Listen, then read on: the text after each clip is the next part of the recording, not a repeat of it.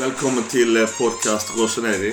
Detta avsnittet blir ett eh, intervjuavsnitt där jag ringer runt både till Inter och Milanistas och pratar om derbyt. Inter vann klart och rättvist hemma på San Siro mot vårt Milan med 3-0. Frågan är varför och om det brinner i båda ändarna av snöret eller om vi ska sitta ner i Kalma Kalma i båten.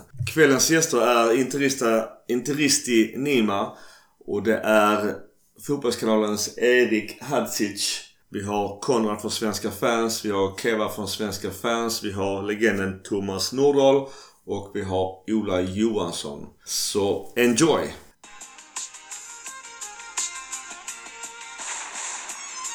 Okej, välkommen återigen Nima. Tack så mycket. Först och främst måste jag ju gratulera till eh, segern här i derbyt. Eh, spontana åsikter om matchen 0-3? Det, är en väldigt, det var en väldigt fascinerande match tycker jag på många sätt och vis. Um, om man bara tittar liksom på, på spelmässigt och hur den utvecklade sig. Jag tycker Inter börjar matchen bra. Jag tycker Milan jobbar sig in i den sen. Fast Inter har klar övertag i första halvlek. Uh, leder välförtjänt och kanske borde egentligen lett med 3-0 redan i halvlek. Men det är ju, om man, ska, om man ser till spelet, det har ju varit ett stort problem inte den här säsongen. Mål, alltså, även om man gör mycket mål så bränner man helt absurda mängder med målchanser. Framförallt Lautaro. Det är ganska sjukt. Jag tror han har gjort 14 mål i Serie A nu. Och han borde egentligen, om han bara varit 30% mer effektiv, kanske gjort 25. Alltså så mycket chanser har han. Eh, Lukaku har också haft, varit en liten svacka, men det väl, kan man tycka kanske sådär efter en derbyvinst att det är sådär lyxproblem, men det har faktiskt kostat inte en jävla massa, och inte, inte minst i Champions League faktiskt. Så att eh, det är inte så att jag sitter här och bara gnäll, lyxgnäller, utan det, det här har varit ett problem som vi inte har haft nu under en längre period. Men sen tycker jag ändå att liksom, det blir en konstig match, för att så fort framförallt i första halvlek, när Milan får chanser, när de skapar chanser så blir det liksom kaos i Inters backlinje. De är väldigt nervösa. Jag upplever att bägge lagen uppträder lite nervöst. Men framförallt Inter försvarsmässigt uppträder väldigt konstigt. Det är något som jag inte var alls var beredd på att de skulle göra. I andra halvlek så kommer Milan ut och är fantastiska. Alltså det är en helt annan aggressivitet, det är en helt annan tempo, en helt annan attityd, en helt annan inställning. Och om vi är helt ärliga så står ju faktiskt matchen och väger när Zlatan gör, gör två grymma avslut. Men Handanovic gör två monsterräddningar och sen är det Tonali, sen gör han ett dröm, drömräddning på Tonalis eh, skott. Och där avgörs matchen. Eh, det är de tre räddningarna som som räddar, som, som gör att inte sen kan gå vidare till 2-3-0 och sen är matchen över i princip. Där avgörs matchen. Det är Handanovic som vinner matchen åt Inter. Det, det är väldigt intressant för de matchhjältarna för Inter har varit, har varit två av de mest utskällda spelarna den här säsongen. Det är Samir Handanovic och det är Ivan Perisic. De här två senaste matcherna mot Lazio och Milan har han varit helt... Han har varit världsklass. Det är liksom... Det är Perisic när han spelar för Kroatien ungefär. Inter eller om det är kroatiska landslaget. När Perisic vet vad han ska göra och är i form, då är han ett fantastiskt vapen att ha. Jag tycker 3-0, alltså sett till hela matchen så vinner ju Inter välförtjänt och det är liksom, det är ingen snack. Men jag tycker ändå att det var ändå väldigt jämnt och det är de marginalerna som avgör idag tycker jag. Det är, det är de tre chanserna där inom loppet av tre minuter när han gör tre helt sinnessjuka räddningar. 1-1 där och det är en helt annan match. Eh, då slutar det nog kryss. Eh, Faktiskt. Du och jag pratades vid i somras också och då var du inte jättepositiv till Conte. Idag efter eh, mer än halva serien så leder ni ligan. Gick förbi ja. oss i förra omgången. Men ja. han får ju lite kritik som man inte vill ta åt sig att det är lågt eh, futsalspel och kontra. Men det är ju sjukt effektivt i alla fall när jag ser Inter. Rent taktiskt så känns det som att Milan hade jättesvårt mot detta återigen. Ja men så är det ju. Och sen är det lite grann så här om man ska liksom bara titta från ett Milan-perspektiv så, så är jag väldigt orolig. För det här är inte första gången vi ser den här typen av kollaps i ett Pioli-lag. Och det är en kollaps. Eh, om vi tittar på Milans resultat den senaste, sen, sen årsskiftet så det ser inte bra ut och det blir inte bättre. Det ser bra ut i små korta perioder i matcher. Men överlag så får man inte resultaten med sig och man ska inte ha resultaten med sig för man är inte bra. Och det, det, känns som det är fritt fall. Och det är väldigt typiskt Pioli. Vi har sett det i Lazio, vi har sett det i Fiorentina, vi såg det i Inter. Eh, som längst, jag kallar den för the Pioli High. Eh, på, Italien, på våra podcast, Italien Football Podcast, kallar jag alltid kallar jag döpt den till The Pioli High. Den är verkligen upp som en sol, ner som en pannkaka. Det går spikrakt uppåt. Men sen går det spikrakt neråt. Som mest har den här liksom, höjden, då har det varit i 13 månader när han var i Lazio, när han tog dem till Champions League. Nu har vi nått de där 13 månaderna med Milan. Det är oroväckande, för Milan är ihåliga. Men just Milan, för jag håller tyvärr lite med dig. Vi hade det som orosmoment i vår hit and shit i förra avsnittet. Att det fanns lite oroväckande signaler. Men utifrån ditt eh, perspektiv och då Sempre Inter som du annars också är involverad i. Hur ser ni på Milan och vad skulle man kunna åtgärda för att inte få den här pannkakseffekten? Vilka ja, brister har vi? Ni har, alltså, ni har ett otroligt bra lag. Jag, jag, jag, jag, jag köper inte mycket av kritiken som har varit mot Milan att de överpresterar. Jag håller inte riktigt med om det. Jag tycker Theo Hernandez kanske är, om inte världens bästa vänsterback, så åtminstone topp tre. Eh, Donnarumma, om inte topp, om inte världens bästa målvakt, för det tycker jag inte han är. Jag tycker Neuer är, är, är bäst just nu. Så är han i alla fall inte långt därifrån. Alltså det finns ju, och Chalanoglu har varit bland Serie A's bästa spelare, Kessi likaså. Och så har du den där långa från Skåne som överbevisar naturlagarna och gör saker vid 39 års ålder som inte borde vara möjliga. Calabria har varit fantastisk. Jag tycker man har haft väldigt otur med skador och de har kommit lite sådär... Milan har ju inte haft fullt lag på nästan över, på över två månader. Men jag tror att problemet är lite grann också taktiskt, att Pioli är lite sönderläst med Milan nu. När han, när han hade Lazio så var det, då funkade det jättebra tills dess att tränarna läste dem läste honom. Då hade han ingen plan B. Samma sak i Inter. Det är jättebra. Det var snack om att oj, vi kanske kan komma till topp fyra till och med. Och platt, då föll det platt när, när tränarna läste honom. Övriga Serie A-tränarna läste honom. Fiorentina samma sak där. Det, det, han har ett problem av detta, med detta. Att han, när han, han, han kan inte anpassa sig och vända när lag läser, läser honom. Och det, det är ganska roligt för att Conte har faktiskt varit tvärt emot det. I början så, började, så, så var han lite sönderläst den här säsongen, men han har anpassat det här laget. Där tror jag lite grann att Pioli saknar. Han har inte de spetsegenskaperna som en Conte har, som en Allegri har. Eh, att kunna anpassa sig eh, faktiskt. Och det, det, är lite oroväckande. Och jag vill liksom inte trycka på panikknappen ännu för Milan, men den här matchen mot Roma blir ju livsviktig för om Milan ska klara topp 4. För jag har lite panik. Det som du säger att Spezia-matchen var ju dålig på alla sätt. Eh. Ja, det var den sämsta matchen jag sett Milan göra. Ja, samma. Och nu har vi liksom 0-5 och 0 poäng i ligan. Tappat ligaledningen och eh, jag skiter i Europa League. Det är ingen som bryr sig mycket om det. Men, men det, det var ju inte ett fall framåt heller. Så att jag, jag ska inte säga att jag heller är i, i panikrummet. Men jag svettas ju ganska mycket för att jag... Okej, okay, ligan är lite väl mycket att begära. Men Tänk att bomma topp 4 när man är vintermästare. Det har ju aldrig hänt någonsin. Precis, och jag är lite orolig för det. Det, det är Pioli. Det här är Pioli. Det är det jag menar med Pioli High. Alltså det är fritt fall när det går dåligt. När det går upp så är det verkligen spikrakt uppåt och sen när det går ner är det spikrakt neråt. Nu, nu är det väldigt viktigt att se hur Milan hanterar detta. Hur, hur gör man? Uh, jag menar, Zlatan ska vara i San Remo och träna på egen hand. Det är inte en bra signal. Det där får de ju sluta med direkt.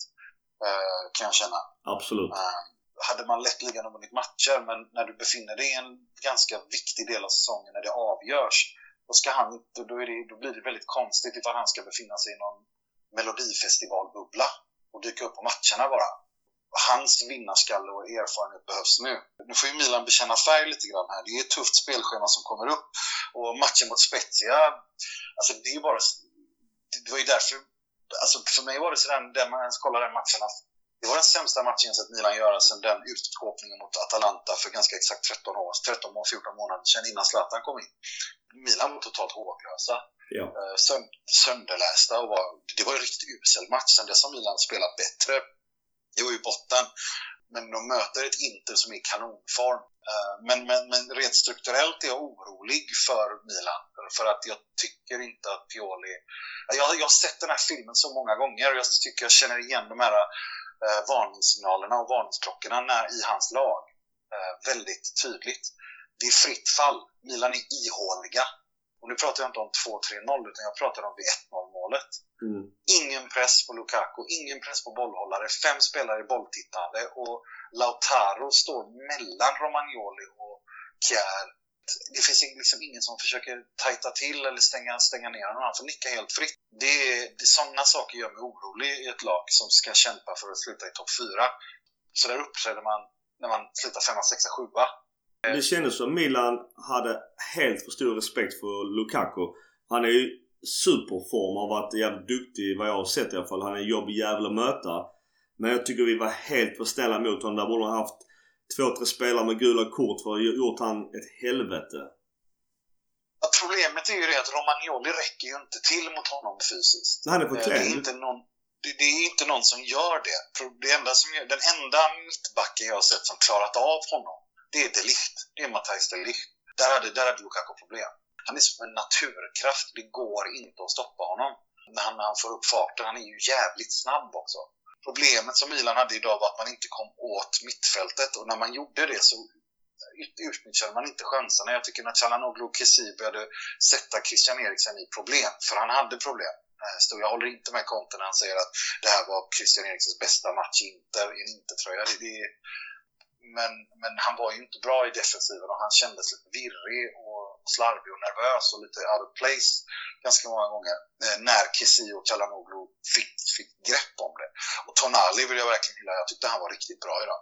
Alltså, han har inte direkt rosat marknaden i Milan, men idag var han bra. Ja, vi, vi saknar ju Benazer som annars hade spelat där men jag håller med. Tonali gör en, av sina jag, bättre jag, matcher. det, jag måste bara säga detta. Jag, jag blir lite så här, när jag kollar på Milans trupp så känner jag så här. Det här 4-3-3 eller 4-2-3-1, det finns ingen anledning att spela det. Har man de mittfältarna ni har så ska man spela 4-3-2. Du ska spela ett tremanna mittfält med Kessie, Tonali och Benazer för de är inte särskilt lika. De har olika eh, karaktäristiska drag som är jävligt bra på alla tre. Och Calhanoglu ska spela i den tio-rollen. Och så har du Rebic och Zlatan på topp. Då har du liksom och, och, och, och så har du Calabria som den defensiva högerbacken och Theo Hernandez som kan skära in mot mitten. Så har du Theo Hernandez och så anfaller ni via vänsterkanten. Alltså jag, jag tycker inte att det här, jag tycker inte man använder truppen på rätt sätt. Jag tycker, den- jag tycker det här Milan-laget är kalibrerat för att spela 4-3-2. Leao är inte mogen uppgiften att spela som en winger. Det, han, han är inte redo där och jag tycker Rebic, man förlorar rätt mycket av Rebic eh, när han spelar där ute på en kant. Jag skulle vilja ha honom som någon form av seconda punta bakom Zlatan som en stor prima punta. Eh, Jag tror man hade fått ut mycket mer av Milan. Alltså du kan kalla det för 4-3-2-1 om du vill till och med. Med Rebic och Calhanoglu bakom Zlatan. Men, fram, men om jag vill se tremanna mittfält, det vill jag. Jag tycker verkligen att Kessie, Benazer och Tonali hade kunnat var, jag sa exakt det du säger här nu med Milans gamla julgransformation när vi köpte Tonali. Att ha de Ja. tre. För jag, jag trodde också det där och då utifrån exakt det du säger innan säsongen började. Men nu har det gått så jävla bra och jag vill ju sällan ändra någonting som går bra. Men nu har faktiskt Piolo själv sagt efter matchen här där alla har, som du säger, har sett det går åt helvete, eller just nu i alla fall, att eh, diskussion om att byta taktik, då får vi se vad det Ja, innebär. men det, det har jag missat, för jag höll på, jag höll på att jobba med Inters postmatch-grejer och jag missade vad Pioli sa där. Eh, Det är ju väldigt glädjande nyheter. Det Ja, faktiskt. är otroligt glädjande nyheter, för jag tror att alltså, går ni in i en, i det, byter han till den här julgransformationen mot Roma, då, blir, då, då är det helt plötsligt en helt annan match och en helt annan, ett helt annat sätt. Och då blir det väldigt svårt för lagen att, och bryta ner det. För just nu så känns Milan otroligt ihåligt och sönderläst. Och kan han få in Benazer, alltså nu har ju han skadeproblem, men får man in Benazer, Kessie och Tonali på ett tremannamittfält så alltså det finns så mycket talang, det finns så mycket råtalang i de där tre spelarna. Eh, och med Calhanoglus, liksom hans briljans och teknik och Rebic jobb och, och Zlatan på dem, då blir, då blir Milan ett helt annat lag. Ett mycket tuffare lag att möta och mycket tajtare. Just nu känns lagdelarna, och framförallt centralt, så känns det som, så känns det som Milan är ganska så splittrat och sönderläst. Uh, är han öppen för det och ska spela julgransformation? Den här klassiska, det är klassisk, och det älskar ju ni Milan-fans. Den har ni ju väldigt fina minnen av också. Han, han sa inte ordagrant just uh, julgran utan med att han... Nej. Det var diskussion om att eventuellt kanske byta. Vi får väl se. Men jag tänkte Nima, en sista fråga innan tiden sticker iväg här. Uh, Lukaku, är Inter beroende av honom i sin taktik? Eller hur hade det funkat även utan en sån jättepjäs? det viktigaste spelaren i Inter är ju Barella. Han är den absolut viktigaste spelaren. Lukaku, alltså inte kan spela utan Lukaku. Man har gjort det utan också till, och gjort det ganska bra i vissa matcher han är ju livsviktig, absolut, men han är inte, det är inte så att det faller isär med honom, inte blir försvagade med honom. Men däremot så faller man om Barella inte, inte spelar. För han gör allt det jobbet på, han är den enda i det laget som kan göra det jobbet som Conte behöver av en mittfältare han är komplett. Det är en totokampista på alla sätt och vis. Och Inter har bara en totokampista.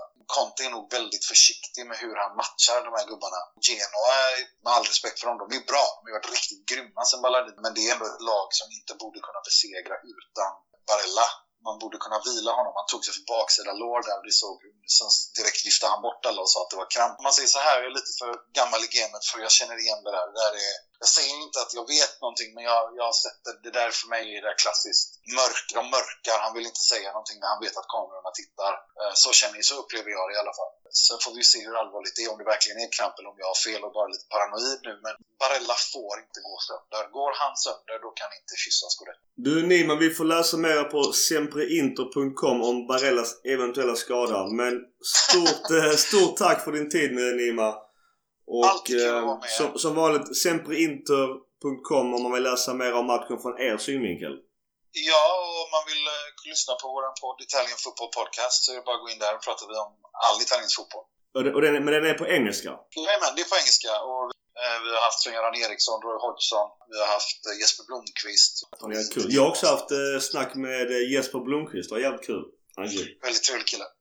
Du Niman, stort tack och återigen grattis till eh, vinsten tack. i derbyt här idag. Tack så jättemycket. Det var väldigt... Eh, tack så jättemycket. Det var snällt sagt. Och som sagt, eh, jag tycker om det ni gör. Ni är grymma. Fortsätt kämpa på. Och tack. Eh, alltid, alltid ett nöje att prata med er. Tack detsamma Nima. Ha det fett så länge. Detsamma. Ciao. Yes, vi tackar vår kompis Nima för det går rast vidare till Fotbollskanalens krönikör och bloggare Erik. Eh, välkommen Fotbollskanalen Erik. Tack så mycket. Du, vad har du skrivit eh, på Fotbollskanalen om eh, matchen igår mellan Milan och Inter? 0-3 förlåt. Det blev ju eh, lite Inter-fokus förra veckan så då tänkte jag vinkla det på Milan. Ja, Inter-fokus handlar ju då om att de hade liksom chansen att... De borde inte tappa serieledningen. Så då, om man vänder det från... Då skrev jag det efter den förra omgången då, omgången, omgången innan.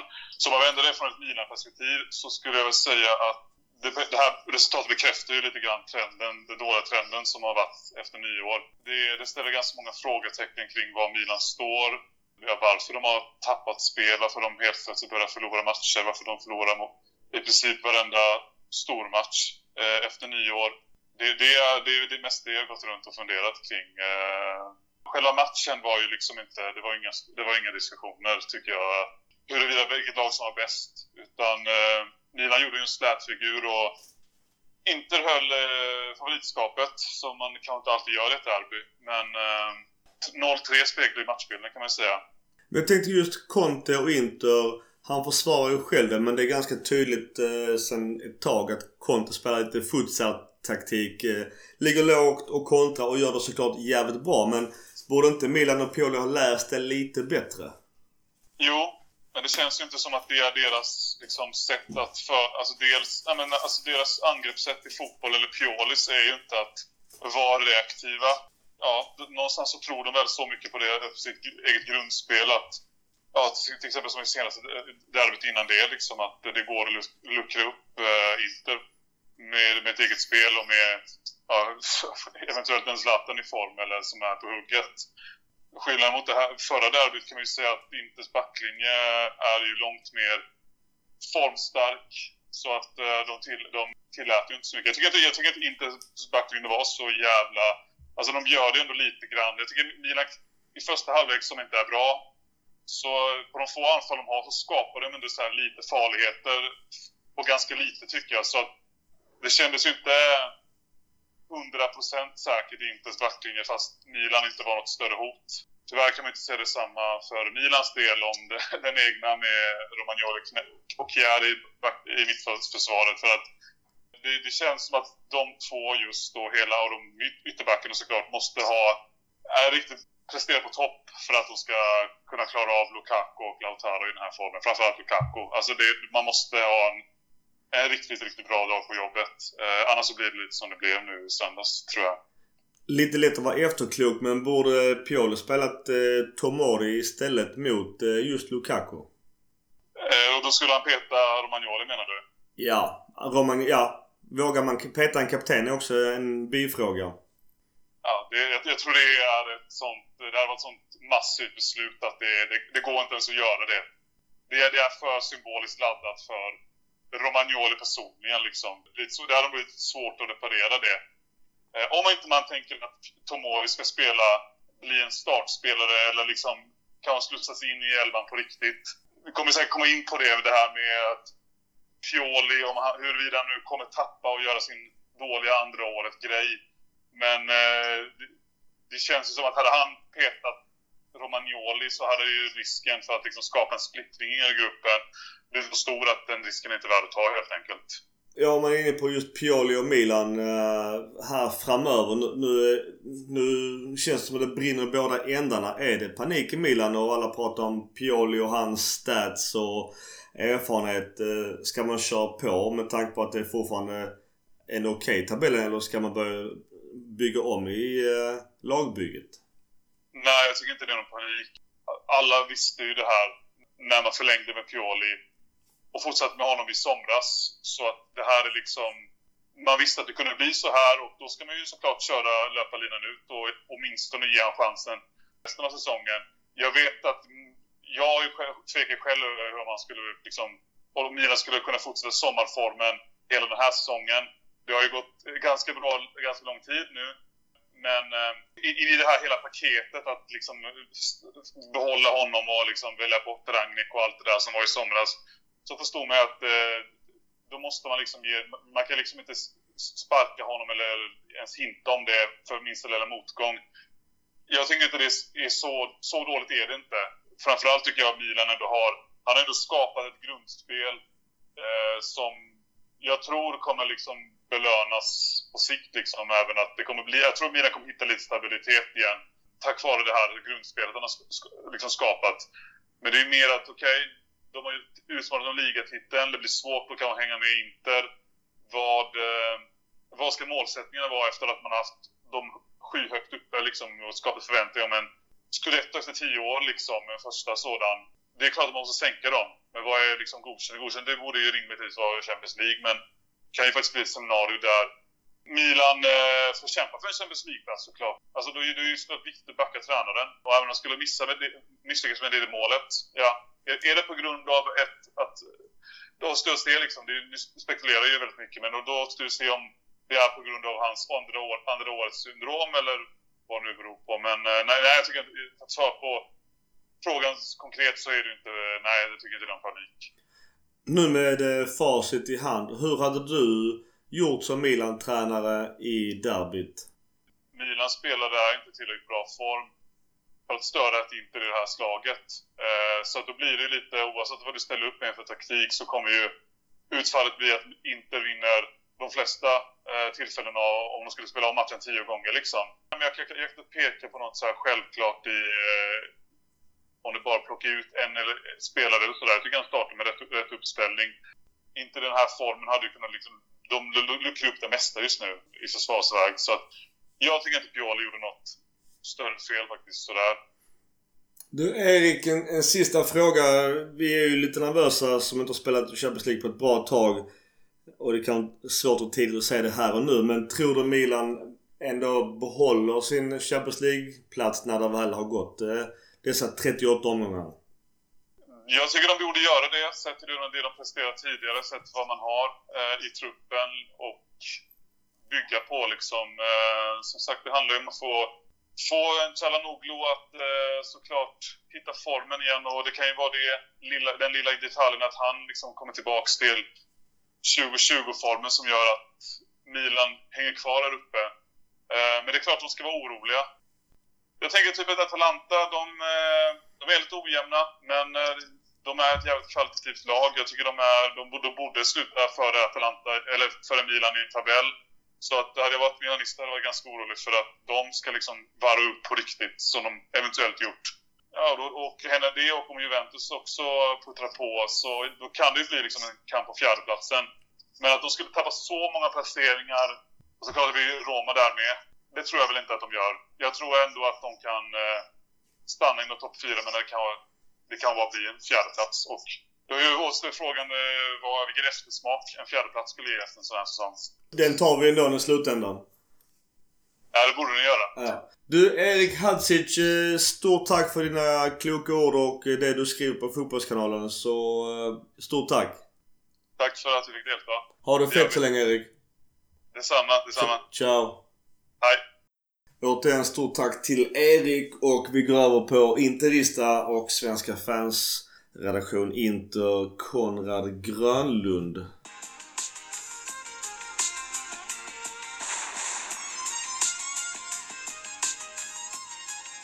Okej, välkommen Konrad, Svenska fans-kollega. Tack så mycket. Eh, dubbelt grattis! Du eh, vann eh, derbyt eh, mot oss och du fyller år idag så att du har haft en jävla fet helg misstänker jag. Ja, men tack så mycket. Det var ju eh, lite nervöst att man skulle tro att ja men den här måndagen kanske blir ett rent helvete. Men... Eh, Men du, varför vann Inter väldigt klart mot eh, Milan igår? det är jag ju förvånad om jag ska vara ärlig för eh, man minns ju tillbaka till derbyt, alltså eller egentligen även i cupen.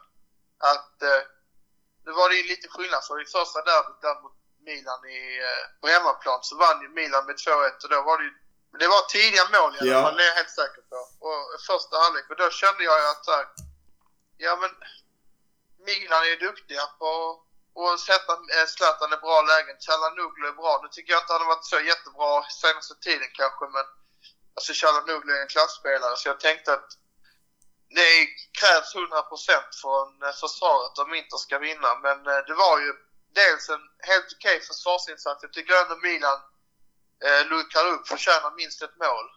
Men eh, jag skulle säga att det som framförallt avgör är att eh, Inter skapar väldigt bra lägen och gör mål på dem dessutom. Det är ju inte så att Inter gör 20 lägen utan det kanske är 5-6 lägen den här matchen tycker jag.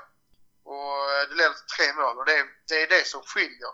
Men jag tänkte på, jag har inte sett Inter lika mycket som du av förklarliga skäl men ser det alltid ut så här när Inter spelar? Conte får ju lite kritik i media för att han spelar lite futsal-taktik med defensivt och- och kontraslår det jävligt bra i och för sig. Både och. För att, jag vet inte om du minns förra säsongen men jag var ju Inter och sämre egentligen alla moment för att Varela hade inte vuxit fram. Lukaku var jättebra men han hade inte tagit det extra steget. Lautaro var svag i många matcher och försvaret. Det var några matcher där de inte hängde med riktigt och jag tror att, alltså, att de har utvecklat varenda del lite grann plus att Konto har gjort att laget kan vara lite mer flexibelt, både offensivt och defensivt. Inter har vunnit mot Juventus, Milan och Lazio sen, eh, nu sen i årsskiftet. Som förra året så slogs Inter med Lazio och Juventus länge och de förlorade båda de matcherna. Men vad är skillnaden 2021 på Inter och Inter 2020? Alltså som jag sa, det är en taktisk eh, flexibilitet. Att eh, ibland, som du säger, kontra mot Lazio till exempel. Kontra när det finns chans eh, på bekostnad av ett eh, eget spel, mer eller mindre om jag ska vara helt ärlig. Men att det var jäkligt off- alltså, effektivt och det funkade det både offensivt och defensivt. Så jag tror det är som är skillnaden att förra året så var det ju en matchplan. Och det funkade i många matcher, men sen var det några matcher där det totalt låste sig det är många som säger det att det är ett helt, en helt annan Conte nu än i Juventus och Chelsea. Jag skulle säga att det, man får ge Conte det. Alltså han är ju en envis herre på många sätt. Och jag, är inte- jag är inte helt såld av honom som person. Men, men som tränare skulle jag säga att han är, just nu när, när han kan anpassa sig så mycket som han kan så är han nog perfekt för Inter liksom. Just eh, Inter och, och taktik. Nu är jag ju färgad åt andra hållet men det känns ju lite som att Inter är extremt beroende av en väldigt duktig Lukaku. Vad händer om Lukaku börjar formdippa eller skadad eller, eller någonting annat? det är en bra fråga med alltså, just Lukakus eh, roll i laget. Jag skulle säga att han gör så mycket utöver målen. Han har gjort 17 mål Edvard. Jag har inte det framför mig. 17 mål och, och 4 assist tror jag det och, eh, Han har inte startat exakt varje match heller. Så det är ju imponerande. Eh, jag skulle säga att det som är problemet det är ju att allt spel egentligen går igenom honom i anfallet. Inter kan ju absolut spela ut på kanterna nu när Perisic och, och Hakimi är bra. Men att gå genom mitten med Lukaku är nästan det bästa. För Lukaku är inte så stark på huvudet. Eh, och, och, det är inte Lautaro heller. Han är, han är bra för sin längd. Men, men eh, jag skulle säga att det är ingen spetsegenskap av Lautaro det. Att, att finna, eller eh, ja, Lautaro. Att stå där och nicka in bollarna. Så att det där liksom, Inter saknar ju en, en eh, Jack och en Zlatan där. Nu fick ju, Inter fick ju matchplanen precis det de ville med ett tidigt mål och sen kunde kontraslå på det. Men vad tycker du Milan gör för fel i matchen överlag? Jag säga först och främst så skulle jag säga att eh, tre, fyra nyckelspelare inte kom i, i eh, bästa slag. Romagnoli och, var ju inte bra igår, det kan man ju säga. Men det var ingen som hade sin bästa match. Vi, vi kollar på Theo Hernandez tyckte jag liksom, jag fick inte så mycket gjort. Det var lite felpassningar eh, om jag inte minns helt fel. Och Kessie var inte, hade inte heller sin bästa match. Det som jag sa innan eh, om vad, som krävs för att vinna ett derby, då måste ju alla vara på topp. Och då hade mina kunnat vinna om Zlatan var på topp, om Theo var på topp, Kessie, Kjär. Eh, alla de hade klickat bra i den här matchen. Så säkerligen inte släppt in tre mål framförallt och de hade säkert gjort ett par. Även om jag tycker att Milan definitivt förtjänade ett mål eller två. Milans fel var nog att just att det var för många som inte kom upp i sin nivå. Milan är ju en formsvacka men det ska också sägas att Inter gjorde ju också Milan sämre. Men till frågan egentligen eh, som är kanske mer känslig. Du var inne på Romagnoli. Kan man i Italien peta en kapten? För nu hörs det rätt mycket röster kring att Romagnoli är ju inte vad han borde bara Hans utveckling ha stått stilla sen några år i Milan. Så frågan är, kan man peta en kapten i Serie A? Milan och Inter Juventus. Att då, jag tycker de klubbarna är för stora för att någon ska stå över klubben. Sådär. Speciellt Romagnoli, där han har ju varit jätteduktig för, vi säger två år sedan kanske, eller tre år sedan var han ju jätte, jätteduktig. Han har inte hängt med i Milans utveckling. Och för mig så är det självklart att om en spelare inte är bra nog så ska han inte starta. Det är klart att det blir extra känsligt med en kapten. Jag jag tror han brinner för Milan och han gör säkert allt för Milan. Men jag tror att han inte riktigt räcker till. Hur, känner, hur var snackas det på Milan-håll där då? Om Romagnoli, ja men det är mycket att han inte återigen klarar av att hantera Lukaku. Och det är inte många som gör det heller såklart ju. Men däremot har vi ju en, en större fysisk kille i Tomori på bänken. Så det är ju såklart diskussioner kring det. Men då blir det här, kan man peta en kapten eller kan man inte göra det? Eller ska man då peta Kjär som har varit bättre som också hade en dålig dag likt som alla andra hade? Så det är mycket diskussioner kring det. Även då diskussionen att Romagnoli har stått stilla i sin utveckling ganska länge. Och kommer snart ha en kontraktsdiskussion. Vad ska man göra där? Så det, det är mycket surr just nu kring Romagnoli. Han fick ju klä hundhuvudet eh, efter matchen mot eh, Inter där Lukaku var överlägsen honom igen för mig känns det som att den killen, det är inget fel på hjärtat hos honom i alla fall. Eller förstår vad jag menar? Mm. Men att skulle Milan värva in en ny mittback som, vi säger en tydligt bättre mittback. Eh, inget exempel här nu, men, men om ni skulle ta in en Varann eller något liknande, du förstår, en riktig världsklassförsvarare. Då tror jag att Romagnoli hade kunnat eh, liksom så här, ja men okej, okay, jag är tredje valet, men jag vill ändå vara assisterande kapten kanske. Ja. Förstår du? Ja. det, det, det, är väl den lösningen jag ser. Men jag kan bara säga som med Icardi-grejen att det var en helt annan grej såklart. Han, han var ju fortfarande vår bästa spelare på den tiden men att han förtjänade inte bindeln och då, då mm. tycker jag det, då är det bara att dra den. Jag ja. tycker Romagnoli har ju inte gjort fel förutom att han inte har utvecklats då. Det kan nog bli spekulationer eh, i allt den här soppan att kanske att man gör ett byte med någon av romaklubbarna. eller eh, rumklubbarna där han är ju från från början så att eh, vi får se med gällande Romagnoli. Men jag tänkte om, om vi tar eh, annars summa summarum säsongen. Nu är lite vågor på Milans hav här. Tror vi att Milan klarar fortsatt hålla sig kvar på Champions League-plats även efter 30, 38 omgången fast taktiken just nu går sådär och det är formdipp?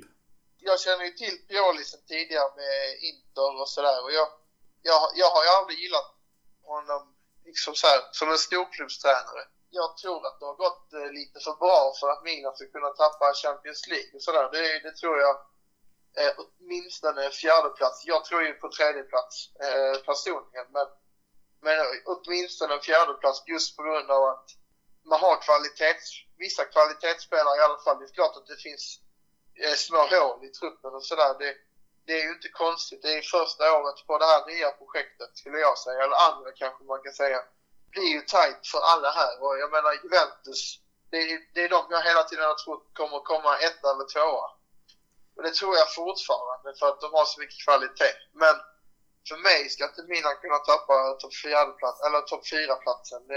Alla lag har svackor. Även kolla på PSG, ligger trea eller något sånt i franska ligan. Och jag hade varit orolig för ligatiteln, men jag hade nog inte varit orolig för Champions League. Eh, det finns Zlatan och du har Kessie, du har Benazer. Nu är han väl skadad, men eh, eh, Hernandez och du har ju försvaret. Alltså jag tycker försvaret, ordinarie försvar håller väldigt hög kvalitet med Calabria också och sådär. Så att, men för mig, självklart att ni, ni löser topp 4. Eh, sista frågan. Nu är man ju såklart nyfiken. Nu placerar Milan på trea. Vem är då fyra, tvåa och etta i din bok? Alltså när man summerar säsongen. Jag vågar inte gissa mellan Inter och Juventus. Just nu känns det som att som att Inter är tyngre, men jag vågar inte räkna ut Juventus. Jag skulle säga att det står mellan Inter och Juventus. Ingen disrespect mot Milan där då, utan jag tror bara att eh, sådär över 38 omgångar kan det bli tufft. Och då kommer Milan trea och Atalanta kommer fyra. Men idag skulle jag säga att Inter vinner. Just nu är ju känslan att, att eh, Inter klarar av toppmatcher och man kan spela i olika typer av system. Och du Konrad, eh, stort tack för din tid och återigen grattis på din eh, födelsedag och grattis till eh, derbyvinsten. Tack så jättemycket Micke. Och eh, alla, alla som lyssnar på detta ska, ska höra att eh, jag har all respekt för årets Milan och för, speciellt för gänget bakom podcast Rossoneri. Stort tack Konrad. Men du, var rädd om dig så hörs helt enkelt på nätet. Ja men detsamma. Tack så mycket för att jag fick eh, vara med. Tack själv Konrad. Ha det fett. Detsamma. Ciao. Ha bra, hej. Ciao.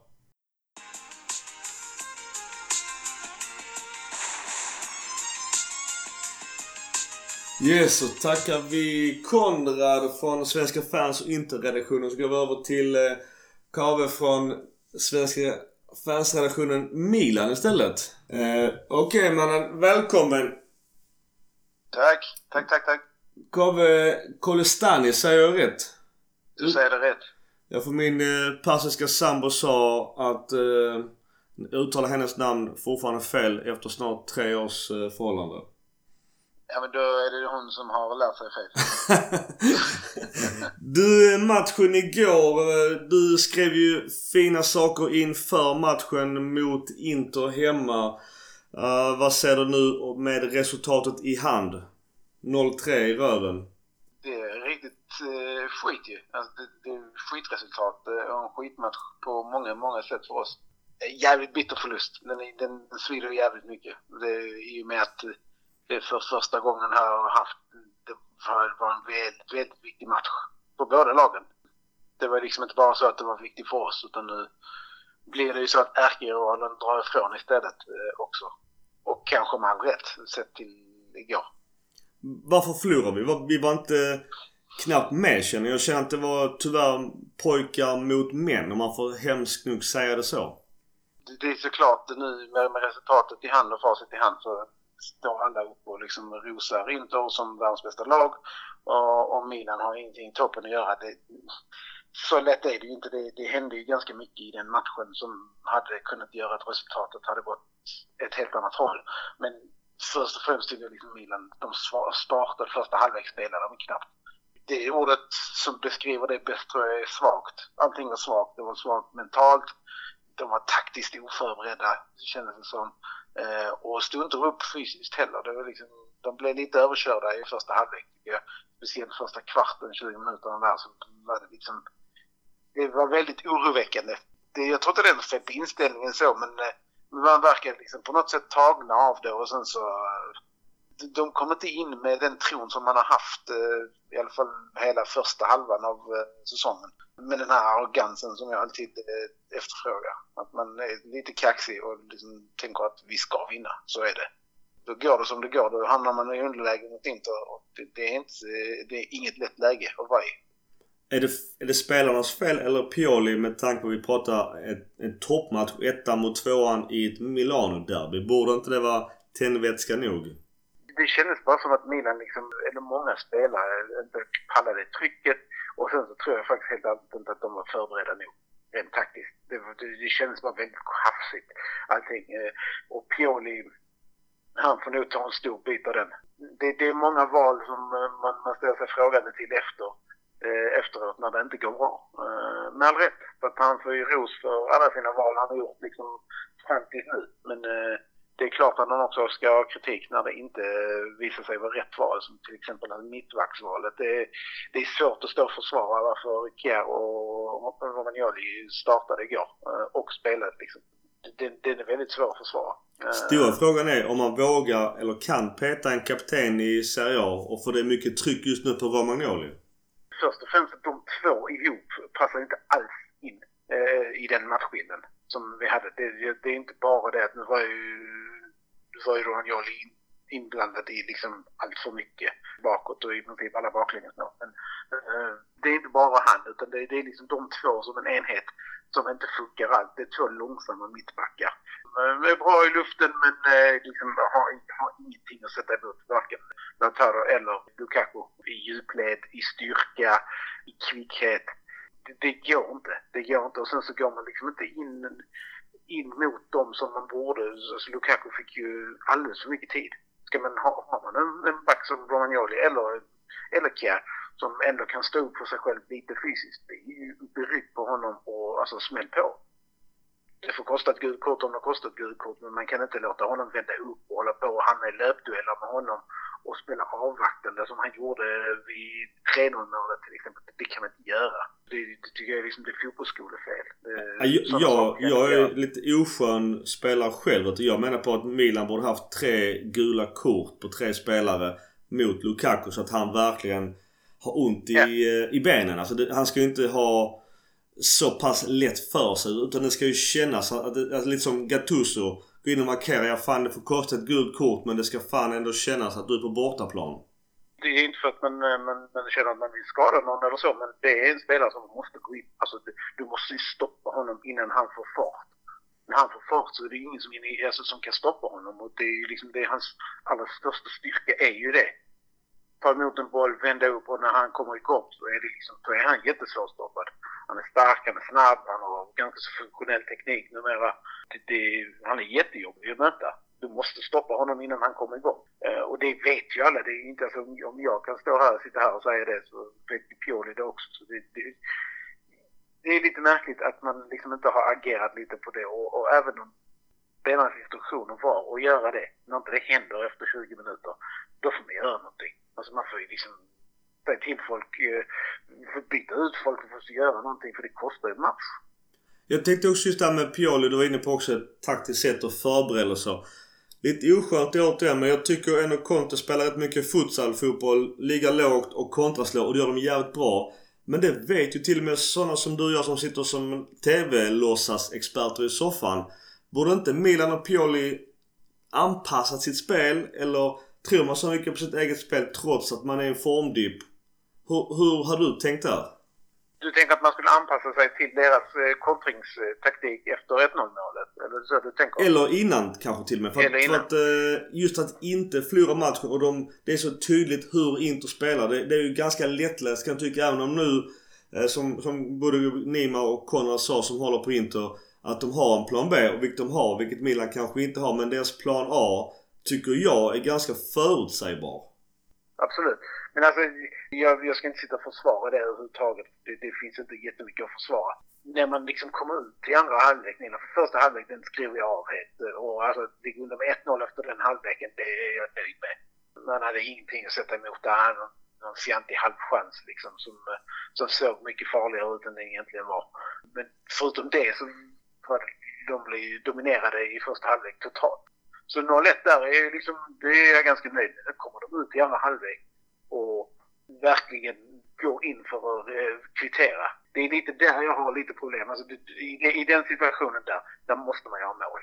Mot ett lag som Inter så måste man göra mål. Du måste kvittera så att man kan lugna ner spelet igen och liksom börja sluta vara så galen, galet offensivt. För är, gör du inte mål på Inter så kommer kontringen och när den kommer så blir det mål någon gång.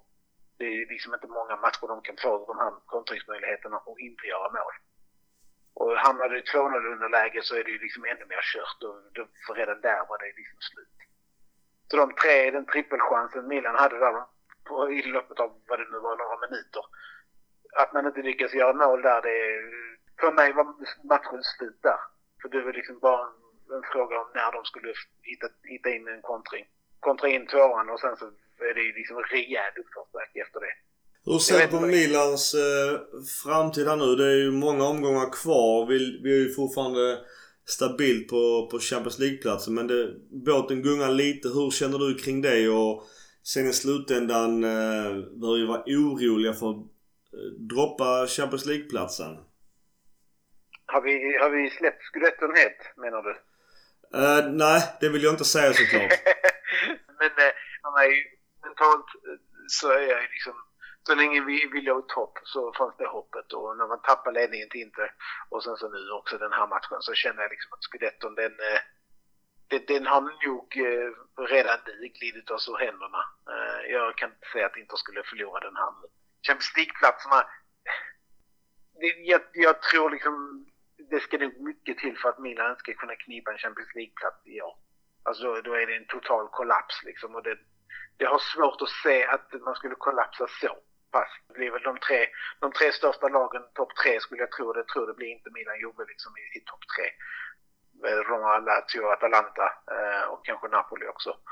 Eh, som får slåss om, om, eh, om den fjär, om fjärdeplatsen och femteplatsen såklart. Om vi backar bandet lite och går tillbaka till januarifönstret. Vi breddade ska man säga i varje lagdel och det kändes ju klokt och bra på förhand. Hade du velat sett Milan eh, med fast hand såklart eh, hade gjort en annan strategi eller kanske gett sig på flera breddare eller kanske en stället start elvemans eh, värvning? Det är ju ganska svårt. Vi, vi saknar ju liksom, eh, vi behövde en ersättare eller en eh, backup i alla fall till Zlatan. Det fick vi eh, och det är gratis liksom. Det, det, även om inte jag är världens största fan av Mandzukic så är det liksom en supervärvning i sig. För att det kostar ingenting och vi är inte liksom heller committade till att betala lön till honom i 15 år. Och så kan han liksom, så skulle det vara så att eh, det leder till någonting jättebra nu så kanske han får stanna. Eh, så det var jättebra. Tomori, supervärvning på värvning på alla sätt och vis. Alltså håller han den kvaliteten som han har visat hittills och kanske lite till så är han ju ett kap för de 30 mille som man kan köpa ut honom, köpa loss honom för. Så tillför han ju någonting, alltså även om man bara skulle ha honom under säsongen så tillför han ju någonting till den backlinjen som vi har saknat eh, i Garo och Romagnoli i alla fall. Lite snabbhet och liksom alltså lite fysiskt, han är rapp. Eh, rapp i tanken och i steget och det är en super, eh, supervärvning tycker jag i sig. Eh, igen utan att liksom committa några större pengar. Det, jag hade gärna velat ha någon sån här, ett, ett namn som går direkt in i startelvan sett till hur formtoppade alla har varit så kan jag förstå att man inte gjorde det eh, på sätt och vis. Eh, jag är helt okej okay med att man breddar truppen istället för att det har laget gått så bra eh, som man har gjort så är det svårt. Det är svårt att, att göra något annat än att bredda och liksom försöka avlasta de här killarna och se om det kan bära hela vägen. Det hade liksom egentligen varit tjänstefel att ta in någon och peta någon direkt liksom när laget går så bra som det gör. Vi börjar ju se liksom att det kanske inte var helt rätt nu. Det, nu är det ju många startspelare som inte överpresterar. Eh, man kan ju säga att de underpresterar men eh, det kan mycket väl vara så att de bara inte överpresterar just nu. Eh, och då är Milan eh, plötsligt inte alls ett topplag längre. Om vi går tillbaka till eh, Pioli och taktik. Många menar på att han har bara en plan. Att det verkar inte finnas så mycket tydlighet i en plan B. Att han, att han bara kan leverera ett visst antal månader. 12-13 månader brukar det sägas. Behöver vi börja skruva på taktik redan nu? Är det bra eller dumt att börja justera om och skruva på massa grejer? Jag har liksom irriterat mig på det ett tag. Uh, och det är två grejer som Milan liksom som de inledde säsongen med fantastiskt uh, och som de höll ganska länge men som de har tappat liksom. Jag tror faktiskt Mattias Concha också uppmärksammade igår att uh, pressspelet, vad, vad hände med det? Uh, du förstår liksom att man kanske mot just Inter eller något större lag liksom är lite försiktig för att man vill inte gå bort sig. Men det har ju varit en grej som gjort att Milan har varit fantastiskt framgångsrika. Att man vinner tillbaka bollen snabbt, högt upp många gånger och den här pressspelet, den här kollektiva pressen eh, som jag älskar. Den har man liksom satt i stora delar av säsongen. Den är ju borta. Det, det vet jag inte varför, om jag ska vara ärlig. Det, det, jag förstår inte riktigt varför den skulle försvinna. Och jag utgår från att det har varit en av de största grejerna som Pioli har liksom präntat in i laget. Så någonstans där måste det ju vara att man liksom eh, börjar piska fart i grabbarna igen och säga att det liksom, hela vårt spel och hela vår framgång byggde på den pressen den pressen har liksom lett fram till hur mycket mål och chanser som helst och att vi liksom har kunnat liksom dominera matcher. Hela anfallsspelet är statiskt när man ska bygga från grunden eh, eller från, från liksom mittback och det, det blir väldigt så långsamt och dåligt passningstempo. Och det är också någonting som eh, stor grej för mig är liksom att Kjellnoglu inte eh, är där han var innan. Uh, inte i den här liksom, hysteriska formen. För han var överallt. Han var ju liksom en länk mellan alla lagdelar. Ständigt spelbar och vände, vände spelet eh, lite liksom när han kände för det och, och höjde passningstempot uh, så fort han kände för det. Och det är det inte riktigt någon som kan göra nu. Uh, så de två grejerna har väl gjort liksom, och det är taktiken är samma, det är bara det att man kan inte, man kan inte, man kan inte utföra det längre, eller man gör inte det. och jag vet faktiskt inte varför jag tycker inte att man ska liksom skruva, skruva upp taktiken eller börja, börja liksom ändra för mycket på det. Mer än att man ska försöka hitta tillbaka till de två elementen. För gör man det så blir Milan slagna igen.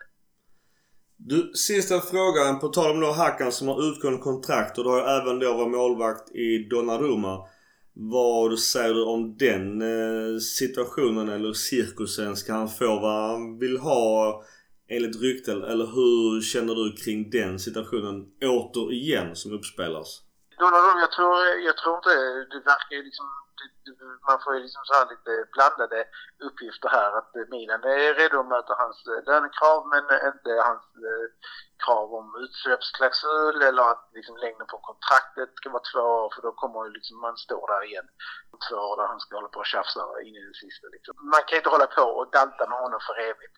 Men han är alltså, det går inte att tappa Donnarumma. Man kan inte tappa honom.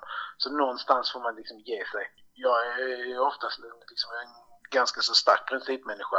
Men Milan har inte råd att tappa Donnarumma. Det, det, det, det kan man inte göra. Eh, det är nog en av världens absolut största talanger och kanske en av världens absolut bästa målvakter redan nu.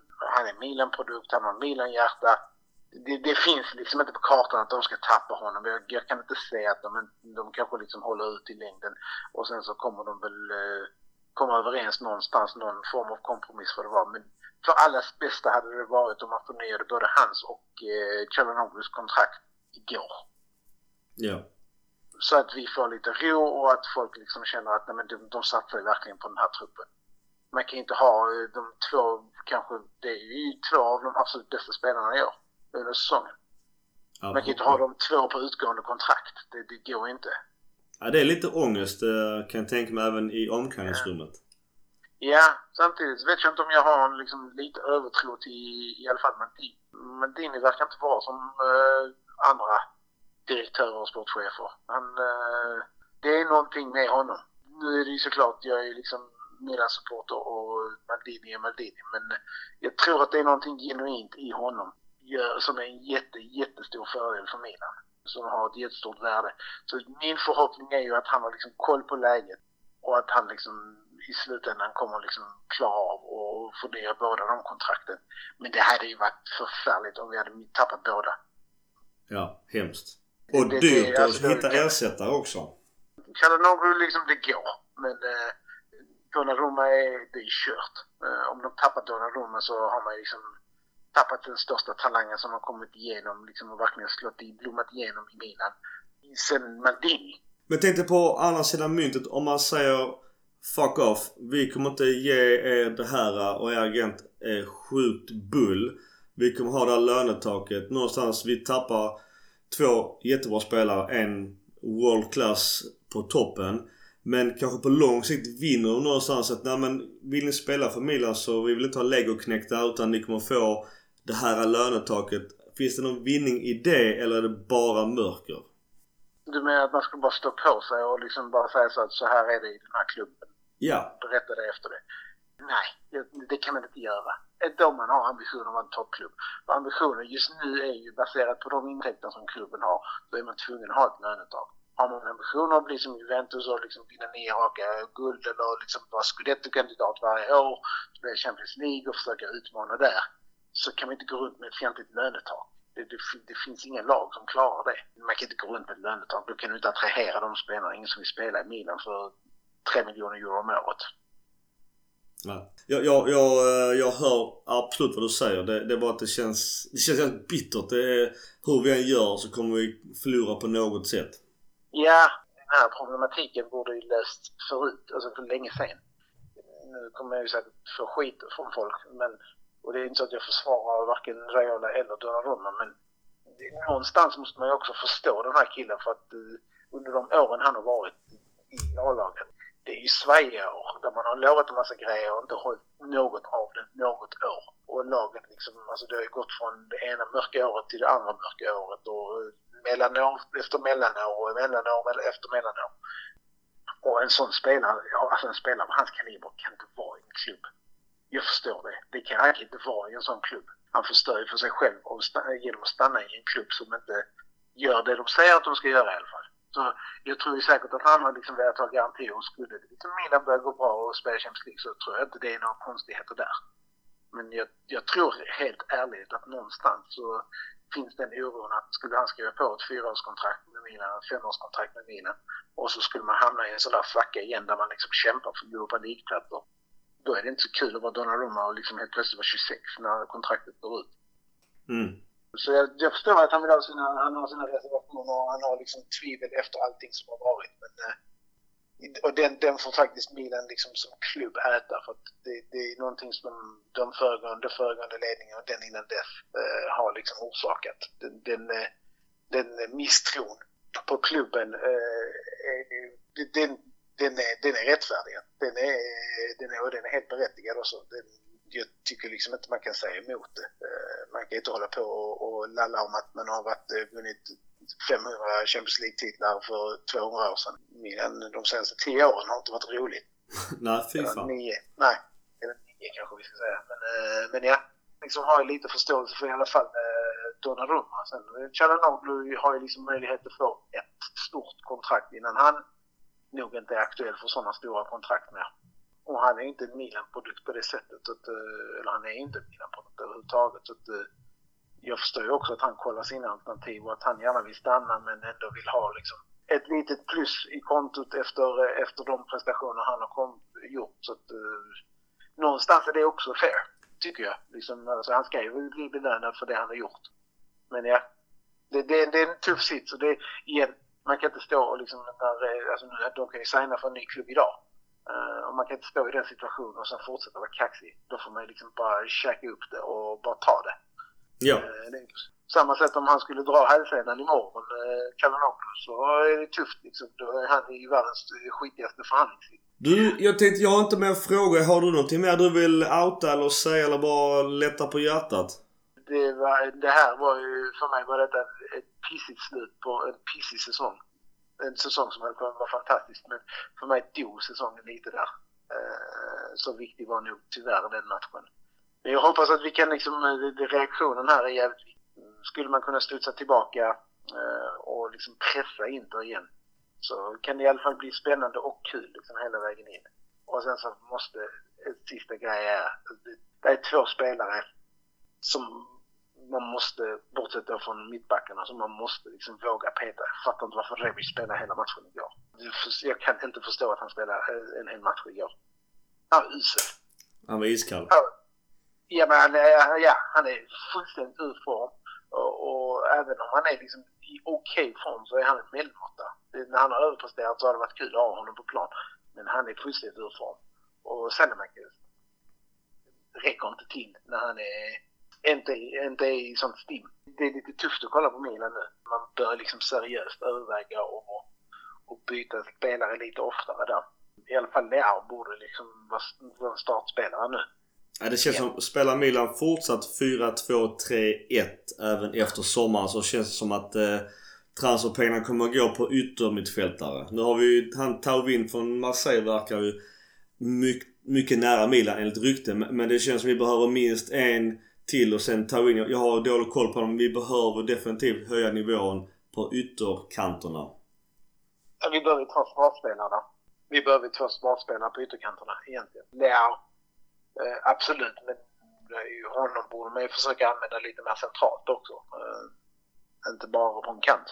Han känns ju liksom eh, som att han kan växa väldigt mycket centralt också, även om han inte har den fysiken på det sättet. Du, vi får snacka igen eh, till sommaren så utvärdera vad fan som har hänt. Och vad vi behöver Absolut. göra. Absolut. Du, stort tack eh, för dina ord och fortsätt skriva väldigt klok, kloka och bra saker på svenska fans. Tack Micke. Hand om dig. Ha, samma du. Ciao! Okej, stort tack till Kabel. Går vi snabbt vidare till nästa samtal.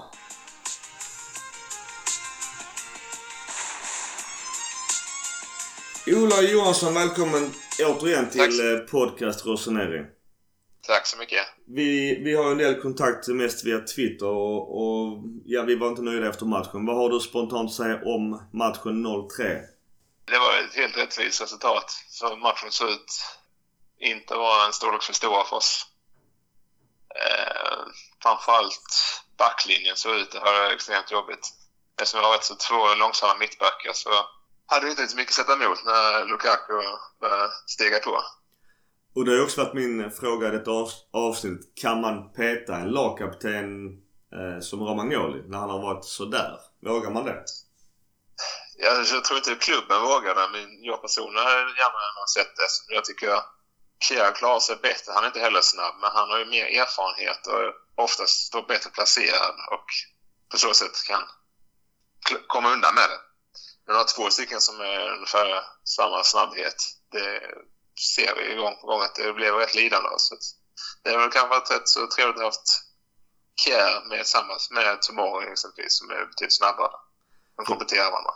Romagnoli blir ju alltid placerad mot Lukaku för Lukaku är smart nog och ställer sig mot honom och vinner varje duell. Så att eh, där måste ju ändå Paul någonstans ha tanken.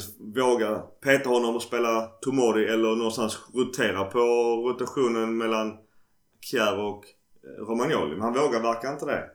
Det var ju ett klipp som finns på Twitter just när Romagnoli säger typ “He's very fast”. Sen tror jag han säger något mer också men just det blir lite komiskt. Att, ja, är han så snabb så kanske du får täcka han lite mer och ge honom utrymme så han kan accelerera.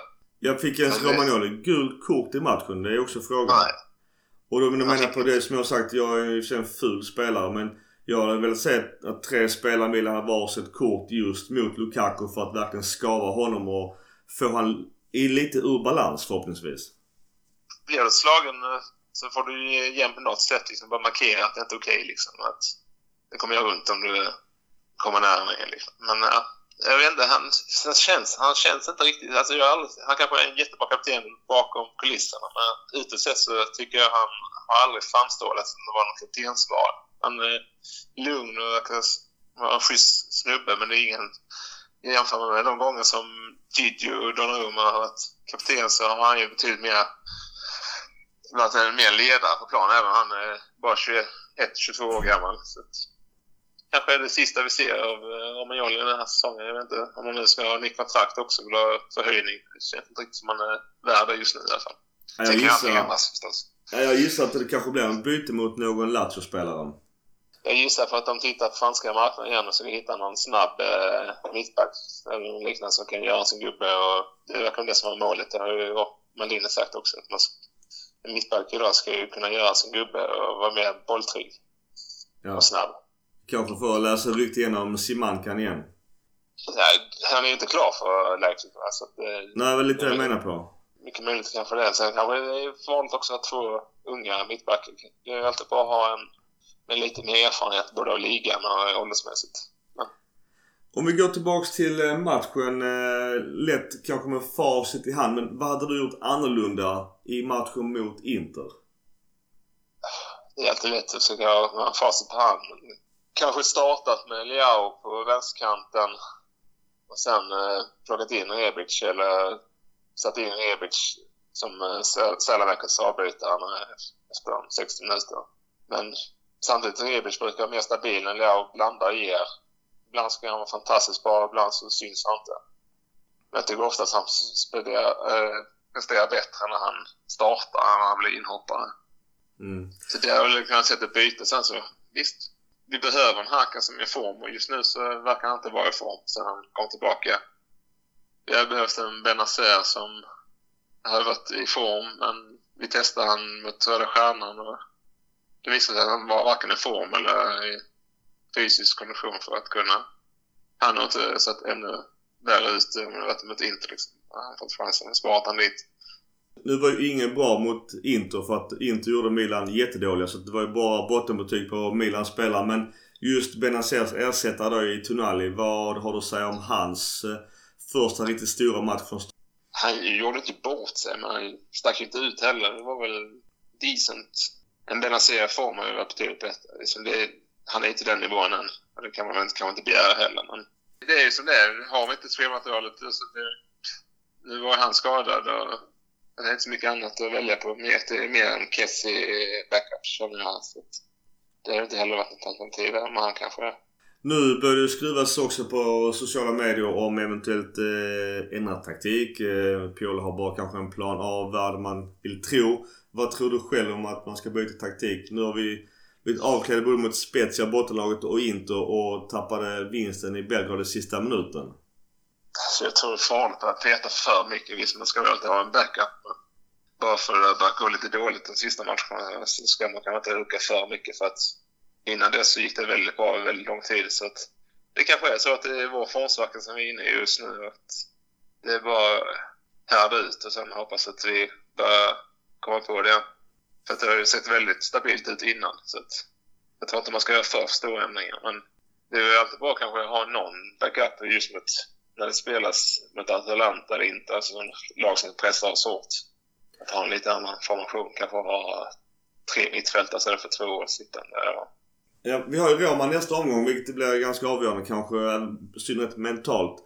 Eh, sista frågan. Har du någon oro kring att vi kan tappa årets mål, det vill säga Champions League-platsen? Nej, jag ser inte det hända. Jag är fortfarande rätt så trygg med att vi kommer ta hem en topp fyra som är målet. För Roma känner jag inte att de kommer inte gå en eh, spikrak säsong. Lazio, visst de kanske är mer stabila men de kommer nog också tappa någon poäng där. Alltså det är rätt många poäng som ska tjänas in för att de ska komma ikapp. Det är väl lätt att vi ryktes med när vi låg etta liksom att shit nu är vi i scudetto-snack och liknande. Liksom. Det jag älskar att spelarna har det som mål istället för att säga topp fyra är mål. För att det är bättre att sikta ett snäpp högre än vad som kanske är realistiskt. Och falla på mållinjen och komma trea, tvåa, fyra. Än att eh, ha topp fyra och falla och komma på fjärde, femte plats.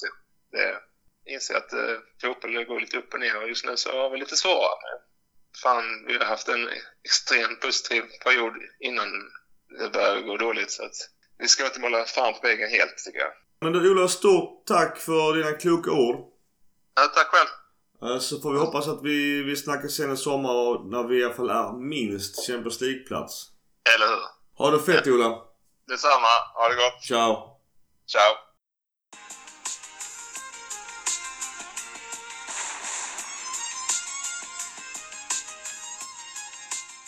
Då tackar vi Ola Johansson som hänger på Twitter och bjuder in nästa gäst som är Thomas Nordahl. Välkommen Thomas Nordahl igen. Ja, tack så mycket. Det var ju en tuff eh, derbymatch mot Inter 0-3. Vad har du spontant att säga om matchen? Jag tycker nog, eh, trots mitt stora Milan-hjärta, så tycker jag nog att det inte var det bättre laget och, och att segern var rättvis. Vad gör Milan för fel i matchen? Tittar man gubbe för gubbe så tycker jag kanske att Inter är, har bättre lite bättre spelare sammanlagt. Eh, tycker jag. Och Milan eh, har ju spelat mycket i sidled. Lite långsamma i försvaret, framförallt Cher och Romagnoli där i mitten. Plus att eh, trots eh, Zlatans storhet så tror jag att de är för mycket underkastade honom så att eh, det blir, det blir att man, man söker de här inläggen för han är så stark på huvudet och så försöker man att komma till målchanser på det viset och eh, inte avslöjar ju det på, på ett bra sätt med sina winbacks eller vad man kallar dem nu för tiden, Hakiri och Perisic som täckte till ytorna. Så det blev inte så många inlägg som var så att säga något att göra någonting åt. Det är ju mycket diskussioner kring just försvaret och du som kan kulturerna där nere. Är det möjligt att peta en lagkapten i ett topplag i Serie A? Jag tänker på Romagnoli då. Det är kanske lite känsligt men eh, det är klart att man måste ju se till lagets bästa. Så anser Anser han att, eh, anser tränaren att han inte är tillräcklig så petar han honom utan vidare. Det, det finns ju många exempel på det. Det är ju Parolo exempelvis i Lazio som har, har varit borta eh, fast han var kapten och eh, Insigne har ju fått stått över någon match då och då också så att eh, nej då, det, det, tror jag att eh, det är inte det som gör att eh, Romagnoli är kvar. Men Romagnoli har ju varit duktig tidigare så att eh, det är väl nu han har sviktat lite de senaste matcherna. För Milan har ju sitt lån från Chelsea i Tomori på bänken som är en mer fysisk och snabbare spelare än både Kjär och Romagnoli. Så diskussionen efteråt har varit lite... Såklart med facit hand borde han spelat istället för någon av dem. Han är ju säkert en framtidsman. Han är ju ung också och Milan har ju det i, i, sin, i sina analyser för framtiden att man ska ha yngre spelare och eh, jag tror att Tomori så sakteliga kommer att matchas in. Sen om det blir på Romagnolis bekostnad eller om det blir på, på Kjells bekostnad, det, det, låter jag fortfarande vara osagt. Tomori fick ju inte plats i Chelsea så att eh, han, man behöver inte göra honom till ett fenomen än. Vi måste ju se vad han presterar först. Efter matchen eh, har det också såklart varit mycket diskussioner kring eh, Piolis eh, andra års tränare och de resultaten sen tidigare. Diskussioner om plan B, taktik och liknande. Finns det någon anledning till att ha panik just nu i Milan-lägret? Nej, inte panik. Det tycker jag inte. Man, sammanlagt så har man ju gjort en väldigt bra säsong. Det var ju ingen som väntade att de skulle ligga så här högt i, i serien när, när serien startade. Men jag tycker att de har de har en viktig match. Jag tror de, de klarar av Röda Stjärnan här i, i Europa League. Det tror jag de gör eh, på ett ganska bekvämt sätt. Däremot så tycker jag nästa match är mycket viktig för att eh, det inte så att säga ska börja diskuteras till höger och vänster vad som är fel och det. Och det är bortamatchen mot Roma. Insagis eh, Benevento hjälpte oss här nu i helgen men Milan har 0-5 och 0 poäng på senaste två matcherna. Ja som säger Roma-matchen blir en liten eh, nyckelmatch. Men bör man ändra på taktik eller ska man köra på som vanligt? Eller vad har Milan gjort mindre bra 21 kontra 20? Man ska väl fortsätta på den inslagna vägen. Man har ju, man har ju möjligtvis så eh, ska man väl byta någon spelare kanske som, som eh, har visat lite dålig form. Där hade man väl lite otur också när Betancourt gick sönder. Nej, det tycker jag inte. Jag tycker man, man, man ska väl fortsätta som man gör men, men eh, om man har överpresterat förut så gäller det att skärpa till sig lite nu och komma, försöka komma tillbaka. För förlorar man mot eh, Roma så har man alltså förlorat tre matcher på raken och eh, det är ju inget bra tecken. Ser du eh, någonstans i kristallkulan vi behöver vara oroliga för att eventuellt tappa Champions League-platsen? Och vad innebär det då för säsongen sett till att vi ändå är vintermästare? Jag vet inte, alla mina supportrar och, och, och mycket tidningar och sånt där nere också har ju tagit eh, efter den här fina starten som Milan hade, var vintermästare och allting, så hade man ju räknat med att Champions League låg ganska säkert den placeringen bland de fyra första. Men jag menar, Juventus har börjat röra på sig nu och när de har spelat den, de har ju matcher mindre spelade här så, så de närmar sig ju också så att eh, Milan får se upp och som jag säger, jag tycker faktiskt att matchen mot Roma är en liten nyckelmatch. Så att det inte ska börja diskuteras här vad som är fel och, och hur laget ska se ut och så. Utan eh, poäng i Roma är, är, ganska viktigt. Om vi går tillbaka till eh, derbymatchen. Vad har du att säga annars om utfallet av matchen och vad kunde Milan gjort annorlunda för att stoppa synnerhet då Lukaku där framme? Ja, framförallt kanske Romagnoli och Kjell skulle haft ett bättre samarbete här så att eh, man markerade, den ena markerade och den andra täcker upp. Men det, det är klart, när Inter spelar med två toppar är det ju, är det ju ganska besvärligt här. Då skulle man egentligen ha flyttat in en back till och, och spelat med, som jag säger, en libero. För att eh, Lukaku och Lautero är ju mycket snabbare än både Cher och, och och Romagnoli. Så att det gäller ju att inte låta dem vända upp så de kan ta fart. Utan det gäller ju att ligga väldigt tätt på dem så att eh, när de får bollen är tvungna i stort sett att spela tillbaka och, och, och inte liksom flyga iväg mot, mot, mot Donnarumma. Som du sa så Benazer gick ju sönder sist och kunde ta med här nu. Vilken skillnad tror du det hypotetiskt sett hade gjort för matchen och Milans taktik med att spela Tonali istället? Ja, det vet jag inte, men tittar man på pappret så har ju Inter ett starkare mittfält.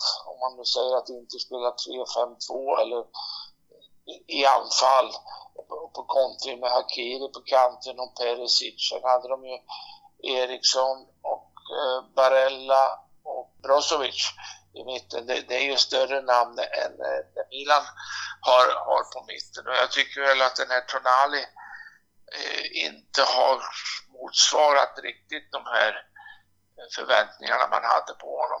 Han, han stod väl ganska i jämnhöjd med Barella i Inter och Barella har ju haft en fantastisk utveckling måste jag säga. Eh, Tonali är lite mindre bra men han har ju inte han har ju inte fått lika många chanser heller, Tonali, att spela, spela sig in. Så Kessie har ju varit duktig i Milan, men han verkade lite bortkommen i den här matchen tycker jag och hittade väl aldrig sin position riktigt. Om man nu tittar på tillbaka till vinter, vinterfönstret. Eh, har, gjorde Milan rätt att snåla lite eller borde man spänt bågen mer just för att säkra Champions League-platsen och kanske till och med med i, i titelracet hela vägen in? Det är ju sådana här spekulationer som, som väldigt svåra. Det finns ju så många experter som säger det ena och det andra. Jag, jag menar, eh, man läser mejlen här och mina kontakter. Jag har ringt ner några gånger till några av ledarna och sådär så de är ju ganska nöjda med det laget har presterat hittills och när laget har varit bra så, så höjs ju förväntningarna och förhoppningarna naturligtvis. Och det, det här, speciellt mot Inter nu så var det väl en stor, det är inte så roligt att förlora med 3-0 Eh, mot eh, en konkurrent. Alltså 3-0 är ju ganska mycket och det avspeglar sig väl lite i kommentarerna och på sociala medier och kritiken bland en del journalister. Klarar man nu Roma så är man uppe på hästen igen för den där Champions League-platsen. Så att eh, jag tror som sagt jag vidhåller det jag säger att matchen mot Roma är otroligt viktig. Rent mentalt, vi blir ut, avklädda av bottenlaget Spezia. Tappade vinsten i Belgrad i sista minuten och blev avhängda av Inter. Hur påverkar det moralen i laget tror du? Det är klart att det snackas nu, men nu har man ju förlorat och nu kommer ju lite frågetecken och kritik på en del spelare och, och inte minst mot Zlatan lite grann här och, och eh, det är klart att det påverkar. Det, det, är därför jag tycker alltså att nu måste det ske en riktig, riktig kraftsamling här först för, för att försöka ta poäng mot Roma om vi talar om Serie A-campionato. Sen naturligtvis är det ju väldigt viktigt att man går vidare i Europa League här för skulle man åka ur mot, mot Röda Stjärnan nu i veckan då, då, skulle, då skulle nog moralen vara ganska nere. Just det, Zlatan fick ju ett eh, lite hånaktigt pris efter matchen och är iväg även på jippo-tillställningen i Italien. Hur tror du det påverkar Milan och hans attityd gentemot truppen överlag och truppen gentemot honom? Jag kan säga så här så, både som Milan-supporter och som gammal tränare och spelare. Jag tycker inte han skulle, jag tycker inte han skulle lämna laget eh, just nu när man är i den här positionen. Men eh, det, det vet man ju inte förrän efteråt hur utfallet blir. Så att eh, jag tycker väl kanske det var lite, lite onödigt att vara borta från laget en vecka i det här viktiga skedet av, av serien. Sen hur man löser praktiskt där nere, det, det, vet jag inte. Det talas om att han ska flyga helikopter till Sanremo. Det talas om att han ska få ta med sig en egen tränare dit och så. Eh, vi, vi, får väl se hur det hela utvecklar sig. Bedömningen av det här är ju helt avhängigt av hur resultaten blir under den veckan. ja, precis. Jag tänkte annars så. sista frågan Thomas. Några andra reflektioner du har från ditt nätverk nere från Milano efter den här veckan nu som har stundat? Ja, som jag sa här så var det ett litet hårt slag här att få stryk mot Inter med de klara siffrorna och, och Milan hade väl egentligen, som jag ser det, bara en kvart som var riktigt bra och det var väl första kvarten i andra halvlek när man med lite tur hade kunnat eh, kvittera och kanske då kanske haft chansen att komma in i matchen igen. Men eh, Inters målvakt Handanovic gjorde ju två bra räddningar där på, på Zlatans försök och eh, Tonalis eh, fina skott där. Men, men, i stort sett så, så var Inters seger rättvis. Eh, jag tror att eh, jag tror fortfarande att Milan kommer att skärpa till sig och ta, ta den här Champions League-platsen. Däremot så tycker jag att eh, man ska se upp lite grann. Det som blir avgörande här är ju de interna mötena mellan de sju lagen som ligger först i, i tabellen alltså. Det, det blir det som blir avgörande. Helt, helt klart. Jag tror mars-april är, är, viktiga månader och för Milan så ska man inte tänka på den utan nu ska man koncentrera sig tycker jag på Röda Stjärnan på onsdag och jag tror han kommer att rotera lite grann Pioli. Han är nog ganska säker att gå vidare efter 2-2. Det, det fordras ju att Röda Stjärnan slår Milan på San Siro och eh, ja, jag tyckte inte Röda Stjärnan imponerade så mycket. Sen är det matchen mot Roma. Jag vidhåller och eh, jag hoppas du ringer efter matchen mot Roma och att Milan har vunnit då. Hoppas också att Milan vinner mot Roma. Eh, Thomas, stort tack eh, för kloka ord. De är ärliga. ja men ärlighet det var längst. Ja, man måste också erkänna när man förlorar att det andra laget var bättre och eh, inte var bättre i det här derbyt. Ja, det är svårt att diskutera något annat faktiskt. Ja. Ingen fara. Stort tack Thomas. Inga problem. Skicka länken så, så jag kan ju tala om för dig att i år är det hundra år sedan min pappa föddes. Va? Ja, mäktigt. Och vi ska, ha, vi ska dela ut hans stipendium på Idrottsgalan om den blir av i november. Va? Ja, spännande. Och det vill jag ha lite hjälp med dig att marknadsföra det hela. Absolut, inga problem Thomas. Bra! Stort tack, ha det gött! Ja, absolut. Ha det gött, Forza Milan! Hej! Ciao! Stort tack till alla gäster och alla gästers kloka ord synnerhet för introsidan som visar ändå stor ödmjukhet trots att de ändå klädde av oss helt. Eh, eh, om ni vill eh, skicka en slant för jobbet som görs i denna podcasten så har jag swish 0733 16 20 57. Alla kronor uppskattas i redigeringsarbetet. Forza Milan!